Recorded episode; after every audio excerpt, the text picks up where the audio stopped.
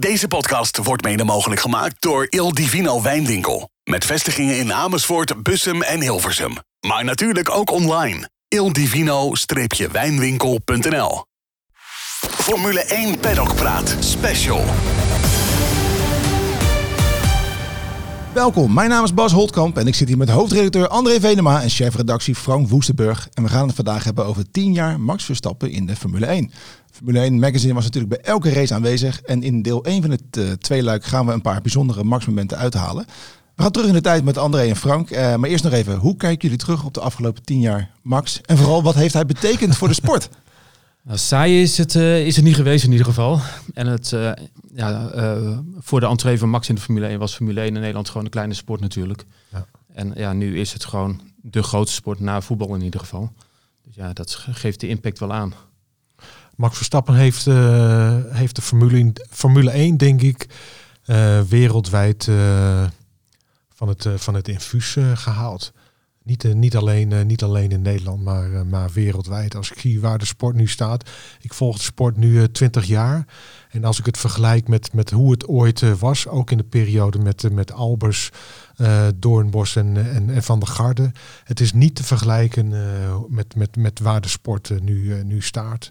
En als je bijvoorbeeld kijkt, nou, ons magazine bestaat 30 jaar. Mm. 30 jaar geleden mede mm. ontstaan door de komst van zijn vader natuurlijk. Die, ja. die ja, hoe zei het ooit een keer mooi in je voorwoord, die kuste de sport wakker. Ja.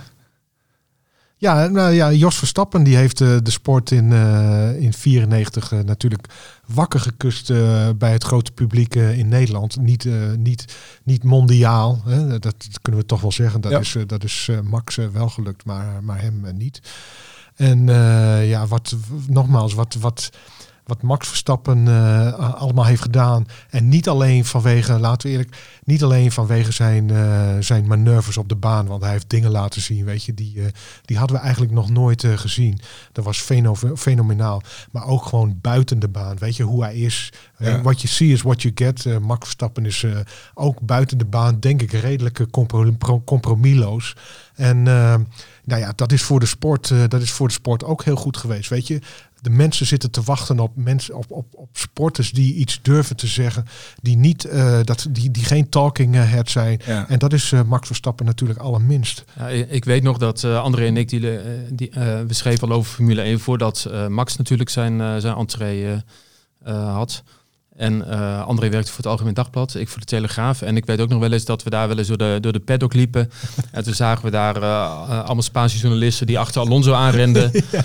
En uh, toen zeiden we tegen elkaar, ja. wat zou het toch leuk zijn als we een keer een Nederlander in de Formule, een Nederlander in de Formule 1 hadden. achter iemand aan ja. lopen. En, nou, want op dat moment hadden we geen Nederlander. Nou, op een gegeven moment kregen we Guido van der Garde. Hadden we in ieder geval een Nederlander in de Formule 1. Dat vonden we wel heel leuk. En die reed er wel een beetje achteraan. Hè?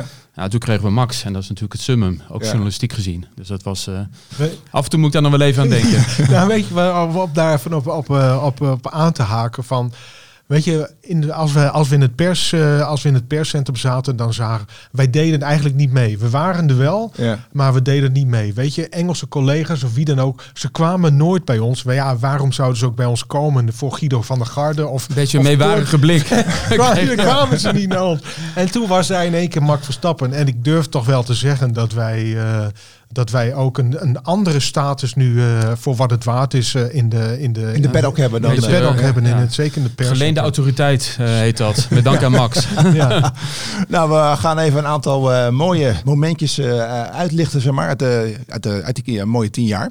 Laten we beginnen bij het prille begin. Negen jaar nog maar. Ja, oké, okay, dit we gaan natuurlijk het tiende we jaar in. Tiende ja, jaar ja, ja, ja. Het contract van Red Bull. woensdag 6 augustus 2014 tekende hij dat. En uh, had toen nog geen rijbewijs. Hij was 16 jaar oud. Uh, de jongste coureur, uh, Formule 1 coureur ooit. En Frank, je hebt het allemaal van vrij dichtbij meegemaakt. Ja, ik verkeerde toen in de gelukkige omstandigheid dat ik de, de primeur had. Wereldprimeur, hè? Ja, het was een hele lekkere, moet ik zeggen. En nou ja, de handtekening werd gezet op, een, op het vliegveld in Düsseldorf, hè, in een klein clubje. Mm -hmm. En uh, ik had al vrij snel de tip dat, uh, dat hij inderdaad getekend had voor, voor, om, om dit jaar, het seizoen erop, te gaan rijden voor Toro Rosso. Mag je je bron onthullen? Of is nee, dat... Dan, nee, dat mag niet, maar ik wist wel 100% zeker dat het klopte. En het leuke was, op een, gegeven moment, ja, op een gegeven moment had ik het zover had ik het rond. En dan kan je het in de krant zetten.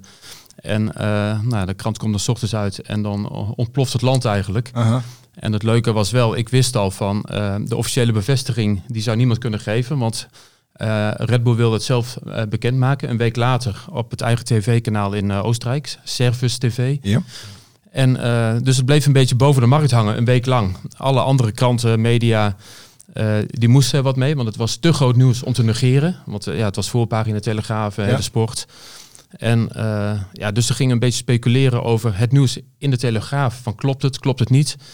En ja, dat, eh, als journalist zijn dat natuurlijk leuke dagen. Want iedereen heeft het erover. Lag je iedereen uit. Hè? Ja, en het leukste weet ik nog, ik, had het, ik zei het laatst nog een voorbeeld. Hè. Ik zat in de auto en dan was eh het Radio 1 journaal ging het erover. En ik zat te luisteren en er kwam dan iemand eh, van de NOS die ging dan vertellen dat het absoluut niet klopte. En dat de Telegraaf ernaast zat. Oké. Ik dacht ja, dus ik zat dan stiekem te lachen, want ik wist dat het klopte. Dat het wel waar was, ja. En eh, nou ja, een paar dagen. Nee, toen had op, op een gegeven moment werd het bekendgemaakt via Service TV. En een paar dagen later was de Grand Prix van eh, België, Ja. waar Max voor het eerst in de paddock verscheen. Ja. Nadat hij het contract had getekend.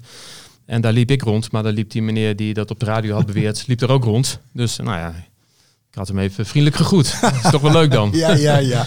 Mooie momenten, ja. Ja, ja, ook journalistiek is wat dat betreft een beetje Ja, sport. Hè? Je probeert elkaar eh, vliegen af te vangen natuurlijk. En, en als het dan een keer lukt, want het lukt ook heel vaak niet natuurlijk. Ja. Maar dan is het wel lekker. En vooral Ja, toen dat- deze natuurlijk, eh, Nederland tuurlijk. was een hele grote vis. Dat Ja, was Ja, natuurlijk. het was Ja. een, eh, het was een, eh, echt een, eh, echt een wereldprimeur. Echt een eh, wereldprimeur om jaloers eh, op te zijn. Ik hoor ik ben- inderdaad het woordje jaloers, maar dat was toen in jouw geval natuurlijk ook. ja, eh, weet je, ik, eh, ik, ik zat in die tijd eh, bij, het, eh, bij het Algemeen of AD of Algemeen Dagblad. Ik weet niet of het nog steeds Algemeen Dagblad heet. Maar in ieder geval, ehm, en wat Frank ook zegt, weet je, het AD, het AD en de Telegraaf is altijd een, een, een vorm. Dat, dat zijn gewoon de concurrenten, eh, op, zeker op, op een bepaald, eh, bij een bepaald publiek eh, ook. En, en ik, ik las dat natuurlijk. ik dacht van, jeetje, van ik had wel iets gehoord, maar weet je, ik wist niet dat het, dat het al zo ver was, dat het al getekend, dat het al getekend was. En dan, eh, ik heb, ik heb eh, Jan Lammers gebeld en ik heb een verhaal gemaakt van, weet je, eh, wat, het, wat het zou kunnen zijn en Ja. wat, het zou, wat het allemaal teweeg zou kunnen brengen eh, als, Als, het ja. zo zou zijn. Maar ik wist, ik wist gewoon dat het klopte. Weet je, niet, niet weet je, Frank zou dit soort dingen niet zo stellig brengen als hij het niet zou weten. Het is eigenlijk net een beetje, en dat, dat is misschien niet een goede vergelijking, maar weet je, ehm, we hadden vorige of Beeldzeitung, daar wordt ook heel vaak van. En de- nogmaals, de, de- ik vergelijk de Telegraaf van Frank niet met beeld, maar weet je, je weet, nee, je weet gewoon, die zijn heel goed ingevoerd, ook Ja. in de Formule 1. Die hadden altijd het nieuws over Michael Schumacher, Ja. hoe vreemd het nieuws misschien ook was. Maar nu nog weet ik van, weet je, beeld, ze, de, de manier waarop ze het brengen, daar kun je over eh, discussiëren. Maar meestal, zit, meestal hebben ze het wel bij het rechte eind. En dat En, dat, wist, ook, en dat wist ik nu ook. Ja. Ah, mooi. Nou, dus eh, Zeker mooi. En nu stoppen we over Dus eh, onderwerp. genoeg Ja. veren in de achterste Ja, van ja, de precies. Deze podcast gaat over Max, niet Ja, over, ja, eh, ja, precies. Dan gaan we naar de eerste race in Australië, jongens. 15 maart 2015. Eh, samen met Carlos Sainz debuteerde hij bij eh, Toro Rosso. Hij was toen 17 jaar en 166 dagen. De jongste coureur ooit. En ook waarschijnlijk de jongste voor altijd. Want de regels zijn aangepast. Je moet nu minimaal 18 jaar zijn. Nog even tussendoor. Sainz baalde er vreselijk van. Hè, dat hij zo lang moest wachten totdat hij bevestigd werd. En in één keer werd zo'n jongen van 16, die werd al veel eerder dan Ja, ja. hij bevestigd. Terwijl hij er echt al op zat te wachten. Maar goed, dat terzijde. Eh, de start, of als je kijkt naar, naar de grid. eh Sainz stond op de zevende plek. en Max Verstappen op de elfde. Eh ronde 32 viel hij uit door motorproblemen. Ehm, wat weet u nog van die eerste race? Nou, ik weet vooral de aanloop eh, naar de race. Dat eh, op de donderdag, de mediadag in Australië, dat eigenlijk eh, het hele circus draaide om twee Nederlanders. Ja, Max als debutant en Guido van der Garde, die een contract had, dacht hij, en bij Sauber, om Sauber, ja, te gaan ja, rijden. Alleen Sauber had de twee stoeltjes aan vier coureurs verkocht. Dus dat werd een rechtszaak in Australië. Rijdt hij wel, rijdt hij niet. Eh, ineens liep Guido weer in een eh, race overal van Sauber. Dus met, en alle fotografen erachteraan. Dus ja, eigenlijk was de, de, de paddock verdeeld in, in twee kampen. Ja. Het ene kamp richtte zich op Max en het andere kamp op eh, de rel bij Sauber, dus op Van der Garde. Dus het was een, een hele, hect, ja, hele hectische dagen waren dat. Wat ik, wat ik nog weet, Toro Rosso en Sauber. In, in Australië op het circuit heb je van die tijdelijke onderkomers. Van wat zijn dat van die, van die prefab eh, ja, ja. dingen. Ja. En die zaten dus naast elkaar. Dus ik weet nog, wij zaten bij, eh, bij Toro Rosso buiten eh, op het terras. En we zagen alles wat er eh, daarnaast bij Sauber met, met Guido eh, gebeurde. Hectiek alom. hectiek alom. En eh, het was, dat, dat was zo bijzonder. En het leuke was ook, kijk, journalistiek was natuurlijk geweldig interessant. Ik zat in een, eh, in een apart hotel vlakbij eh, bij het gerechtsgebouw van, van Melbourne. En ik, ik, weet je, ik liep gewoon in en uit naar het gerecht. Want het, dat ging maar, eh, Ja, dat ging ja, maar, ja. het ging maar door daar. Het was, dat was hartstikke, dat was, ja, dat vond ik echt hartstikke leuk. Maar uiteindelijk ging het natuurlijk toch vooral om, eh, om het debuut van, eh, van Max Verstappen. Ja. Was op donderdag, op donderdag eh, had je de persconferentie. Ja. Des, destijds werden er zes coureurs uitgenodigd nog. Eh, de VIA-persconferentie, een beetje een verplicht nummer. En eh, Max Verstappen eh, die, die zat er ook met, met, met Vettel en met Hamilton. Ja. Op een bepaald moment eh, eh, werd er aan, aan Verstappen gevraagd van... van welk jaar ben je eigenlijk? Of het kwam zo te loop te Ja. sprake. Ja, 1997. En Hamilton, die zat op de eerste rij en Verstappen zat links achter op de tweede rij. Die begon in één keer te lachen en die zei van... Jeetje, hij zei, wat voel ik me nu oud? Volgens mij was Hamilton al 30 destijds. Hij zei, ik voel me echt oud. Toen ik zo oud was als jij, tekende ik mijn eerste contract bij McLaren. En jij zei, en jij gaat die nu gewoon Formule 1 eh, rijden. Ja, en de discussie was natuurlijk vooral eh, ook in de buitenlandse media van is, is het Ja. niet te jong? Ja, En eh, dus daar gingen eigenlijk alle vragen over van, eh, nou ja. kan het wel zo, zo, zo, Ja, zo. precies. Ja, niet eens een Ja, rijbewijs, ja. zo'n klein Nou ja, zo'n- dat zo'n heeft hij wel gelogen gestraft. Wil ik nog een momentje uithalen. Monaco. Ja, de, dat, de crash. ja, dat was een vuurdoop eigenlijk, hè, Ja. zijn ontgroening. Dat Ja. was de eerste harde crash. En eh, ik weet nog goed eh, hoe dat ging. Dat, eh, hij, zat, hij was heel mooi opgerukt door het veld. Hè. Een verkeerde pitstop, reed een beetje achteraan. En op een gegeven moment reed hij achter Vettel. En eh, er waren andere auto's die de blauwe vlag kregen. Dus Vettel Ja, moesten ze ja, ja. langs zij laten. En, en Max die sneakte mee. Dus die Dat was heel slim. Ja, Ja. dat was Ja. zo mooi. Zo geweldig, ja. Inhalen kan dat niet, maar op deze manier wel. Ja. Ja, precies. Dus dat deed hij heel handig. En op een gegeven moment zat hij eh, klem achter eh Grosjean in zijn Lotus. En eh, in, in de aanloop naar bocht 1 gaat op een gegeven moment Grosjean erg vroeg op zijn rem. Dat was het verhaal van, eh, van Max na afloop. Ja, 15 meter eerder. Ja, en de, en de data liet het ook wel zien dat hij eerder remde dan, eh, dan de ronde ervoor. En Max eh, die knalt er bovenop, schiet rechtdoor en met, een, met een snelheid van tegen de 300 km per uur in de, in de boarding. Ja. En eh, dat was een enorme klapper. Ja. En na afloop ging het eigenlijk over, ik geloof 30G of zo, de impact Ja, van de 30G. crash. klopt, Behoorlijk, ja. ja. Ja. en na afloop weet ik nog dat we, eh, André was er ook bij, dat we met Jos eh, zaten. Eh, Max die was er nog niet, die moest eerst naar de, naar de medische dienst, zeg Ja. maar. Viel allemaal mee gelukkig, hè? Met, Ja, eh, en dat, ja. dat Jos eh, geschrokken was, maar ook wel trots. En dat was dan vooral om- op het feit dat, dat Max in die, in die flits van de seconde de tegenwoordigheid van geest had om zijn stuur los te laten. Maar als je het stuur eh, vasthoudt of verkrampt, hè, wat een natuurlijke reflex is, Ja. ja. dan, dan, dan breek je gewoon je je polsen. ja. de- Ricciardo, hè, ja, Zandvoort. ja, Ja, precies. precies, Ricciardo, goed voorbeeld, die, ja. ja.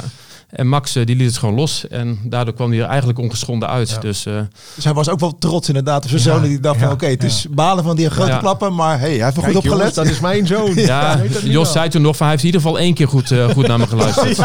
Ja, Ja. Ja. Dat, Ja. was, dat de eerste jaar was geweldig met Max Verstappen. Ja, het gebeurde van was- alles, hè? Dat was geweldig. Wij kregen, we hadden toegang eh, tot hem. We konden, als we wat wilden, zeiden van, eh zei Jos van Max, kom even, eh, Frank of André wil even wat vragen. Het kon allemaal. We konden mee met de, met de, met de gridwalk.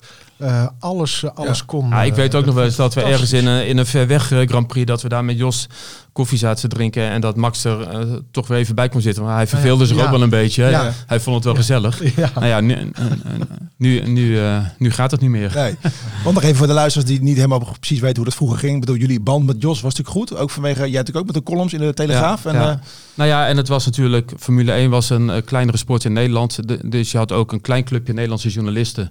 Vaak waren het eh, André, ik en eh, Olaf Mol.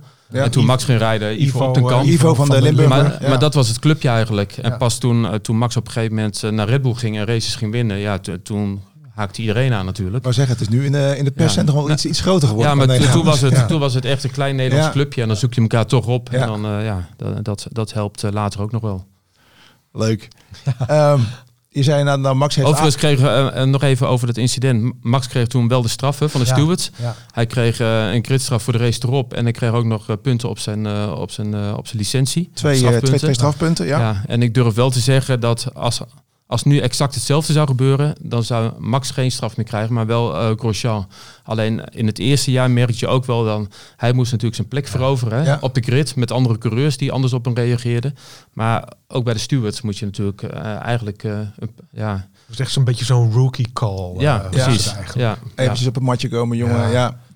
En wat je zegt, die strijd, er was ook een aardige strijd intern natuurlijk tussen eh Sainz en Verstappen. Allebei wilden ze natuurlijk graag doorbreken naar eh, Red Bull. En eh, ik denk dat het een beetje tot een climax kwam op, eh, het, tijdens de Grand Prix van Singapore. Ja. Het bekende no-incident. ja. Ja. Nog even een korte resume. Eh, ja, ze hadden een aardige, vurige relatie natuurlijk. Ehm, Max stond op de achtste plek. eh Sainz op P14 eh, voor de start. En toen, ja, het licht doofde en zijn motor sloeg af. Hij werd teruggeduwd naar de pitlane. En daar met een ronde achterstand kon hij eh, weer eh, zijn race gaan hervatten. Iedereen dacht, nou ja, wat, dat wordt niks meer. Het meer, meer een soort van eh, testsessie wordt dit. Maar niet bij Max natuurlijk. Het werd een heerlijke inhaalrace. Eh, het was ook een gekke race met een aantal Ja, incidenten, incidenten, safety ja. car per- Ja. periodes. Het viel goed voor hem. Het ook viel, ja, ja, zeker. Ronde 45 had hij zelfs de snelste ronde neergezet. Inmiddels zat hij al in de top 10. Ja, en toen eh, reed hij achter eh Perez op P7. Max op P8, eh Perez op P7. En Sainz zat achter hem op beter rubber, zeg maar. Ja. Dus hij kreeg ja, die had nieuwere banden. nieuwe verse banden. Ja, en die kreeg de call vanaf Frans Toost. ga even aan de kant voor Sainz. Ja. Dan mag hij het proberen en nog met twee ronden te gaan. Maar dat was duidelijk antwoord van Max. Dat was... Ja, hij, hij was ook duidelijk geïnstrueerd door, door Jos. Tenminste, die, die had wel tegen hem gezegd van als dat scenario zich ooit voordoet, je gaat niet aan de kant. Nee. Ze halen je maar in. Als ze het voorbij Ja. willen, dan halen ze je maar in. ja, ja, dat is... eh, Ja, Ja, ja, ja, ja, ja, ja. En Jos zei later volgens mij ook nog iets in de trant van als hij het wel had gedaan, dan had ik hem zijn poten gebroken. Ik had hem voor zijn ballen geschopt, oh ja, oh, dat zei da- letterlijk. ja, dat was de quote. Had hij het gedaan, hij was zo trots na afloop. Dat, Ja. dat hij, dat, weet je, net zo'n momentje Ja. als in Monaco Ja, met die handjes. met je handjes. Ja. Hij was zo trots. Hij, als ik het gedaan had, had ik hem voor zijn ballen geschopt, weet je. Ja. Echt, ja. Ja, en het mooie was wel, eh, al vanaf de, de eerste race van het seizoen in Australië, dat de spanning tussen, tussen Sainz en Verstappen zich, eh, zich opbouwde. Ja. Bedoel, ze waren allebei ambitieus, eh, getalenteerd. Allebei een vader die, die wel wist hoe de, ha- hoe de, hoe de hazen lopen. En, hè. die ook, en, en Sainz senior, die ook echt overal Ja, Nee, dingen, di- dingen eh weet je, het was wel roepen was een de beetje, een beetje- ja, ja. intrigant. Ja, dus ja. er was ook echt wel een gevecht achter de schermen. Ja. Dus eh, de verhoudingen stonden op scherp. En dan, ja, dan gebeurt dat. Ja, dan, dan ga je niet aan de kant. Nee. En eh, ja, terecht ook, zei uh, Toos achteraf. Hij zei uit de data bleek ook dat hij, eh, Ja. dus eh, die gaf hem ook eh, gelijk. Ja, die, eh, die, Ja. dat weet ik nog direct na afloop. Dat, eh, toen ik naar Toos ging, of wij, wij, we allemaal naar Toos. Hij zei van, eh was, eh, was een juiste beslissing van Max om het, eh, om het niet, eh, om het niet te doen. Er werd ook nog wel eens met deuren geslagen, kan ik me herinneren. Ik weet niet of dat ook in Singapore was, meteen na de race. Dat Toast ook wel eens boos was. Was dat in Singapore? Of was dat een andere race? Maar in ieder geval, achteraf was hij het in ieder geval, eh, gaf hij eh, Max eh, gelijk. Ja, Sainz was niet heel blij natuurlijk. Die zei ook, Nee. ik verdiende de, de kans om, om er langs te gaan, maar eh, Max die gunde mij dat niet. Maar, En, eh, Nee, maar goed, we hebben eh, in het eh, vervolg van zijn loopbaan wel gezien dat hij wel vaker eh, gewoon eh, Ja. nee zegt en eh, zijn eigen plan eh, trekt. Ja. Dus hè, Brazilië. ja, ja, je moet ergens je, je, je grenzen trekken. Ja. Hè? Iedereen, het is heel duidelijk. Max kom je er niet zomaar voorbij. nee, dat is ook heel duidelijk. Ook op in zijn eerste jaar, hè, vaak met rookies, Ja. die moeten nog een beetje... maar Max die stond tegelijk. Ja, maar dat, eh, dat, weet je, dat was ook iets wat, eh, wat Jos zei. Weet je, wat er ook gebeurt in de toekomst. Iedereen weet nu gewoon dat, eh, dat Max niet aan de kant gaat. eh, dat hij niet zomaar aan de kant gaat. Hij zei, als je dat één keer doet, hij zei, dan hou je, dan hou je altijd eh, dat, dat, dat, hoe zeg je dat? Dat, dan, dat, dat beeld of dan, dan kleeft dat voor, Ja, voor ja. altijd aan je. Weet je, zoals met de Baricello's en de- dat Ja. soort jongens. Weet je, dat Ja. je echt een soort van, nou, ik wil niet zeggen tweede rijder bent, maar dat je dus beïnvloedbaar bent. een beetje à la Schumacher. Dan wist je ook als die in je spiegel Ja. zat of voor je Ja. rijdt, oh, dat wordt moeilijk. Ja. Ja, maar dat- dat is hetzelfde inderdaad met, eh, met inhaalacties op de baan. Hè? Ik bedoel, Ja. Als je weet dat, eh, dat, dat Max er rijdt, dan eh, moet je echt voor goede huizen komen om langs te gaan. En bedoel, hij, hij zal je nooit zomaar voorbij. Ik bedoel, ook in normale duels. En eh, er zijn coureurs die hebben een reputatie dat het toch wel vrij makkelijk ging. Alleen Ja. bij Max moet je altijd het gevecht aangaan. Ja. Maar, En we laten natuurlijk ook vaak genoeg gezien met Hamilton. Hè, of ook met andere gevechten. Dat je denkt, nou, hè, hij, hij, is er al, hij is er al langs. Maar dan Ja. kwam hij toch weer buitenom. Ja, ja, op de meest onmogelijke manieren. En eh, dat maakt Max natuurlijk wel Max. Dat Ja, is, de- eh, maar dat maakt het eerste jaar natuurlijk ook zo mooi. Hè? Dat je in een auto zat eh, waarbij je echt midden in het veld zat. Dus eh, er moest veel ingehaald worden. En eh, ja, nu is het natuurlijk ook prachtig omdat hij altijd vooraan rijdt. Maar qua spektakel was dat natuurlijk prachtig het eerste jaar. ja, en ook de jaren eh, die daarop Ja, volgden. Daar komen zo meteen wel op. maar je, met ziet, je, twee je ja. ziet het nu ook, hè, weet je, als hij een straf heeft of een paar eh, keer eh, in het middenveld of wat dan ook start. Miami. Mi- Miami, weet je, dan weet je, dan weet je over het algemeen wel wat voor races je Ja. krijgt. Hè. Ja, en voor ons als kijker natuurlijk geweldig. ja. Zeker. Tom, Tom Coronel zei van eigenlijk eh, moeten ze gewoon, eh, moeten ze gewoon eigenlijk moet hij altijd ergens rond de tiende plaats of zo eh, starten, weet je. Als Ja. hij getergd is, ja. dan eh, ja. Ja, dan- en er zat dan toen ook doet in hij de- dingen. Hij zat toen ook in de fase natuurlijk dat hij risico's moest nemen om Ja. vooruit te komen. Ja. Zowel letterlijk als figuurlijk. En dat hoeft hij nu ook veel minder te doen als hij in het middenveld start. Hè. Ja, daarom. Je kan gewoon afwachten. Auto is snel genoeg. Je Ja. hoeft ge- ja. Eh, Ja. omdat- TRS en hoppatee. Ja, eh, ja, dat maar ook gewoon eh, die, die noodzaak om echt heel snel voorbij Ja. te moeten, die is er Ja. gewoon niet Nee. meer. Nee. Dat was vroeger anders. Of tenminste Ja. niet altijd Ja. meer. Ja. En dan hebben we nog eh, de Grand Prix van Bahrein. Eh, dat circuit kennen hij niet helemaal. En André, je had wat eh, leuke informatie erover. Ja, nou weet je, ik eh, was, eh, ik was eh, volgens mij al op eh, dinsdag of zo. Ik was eerder in Bahrein dan normaal. Zal wel met, eh, met, de met de Hotel vlucht. met zwembad. Ja, ook dat. Maar het zal ook al met de vluchtprijs eh, te maken hebben gehad.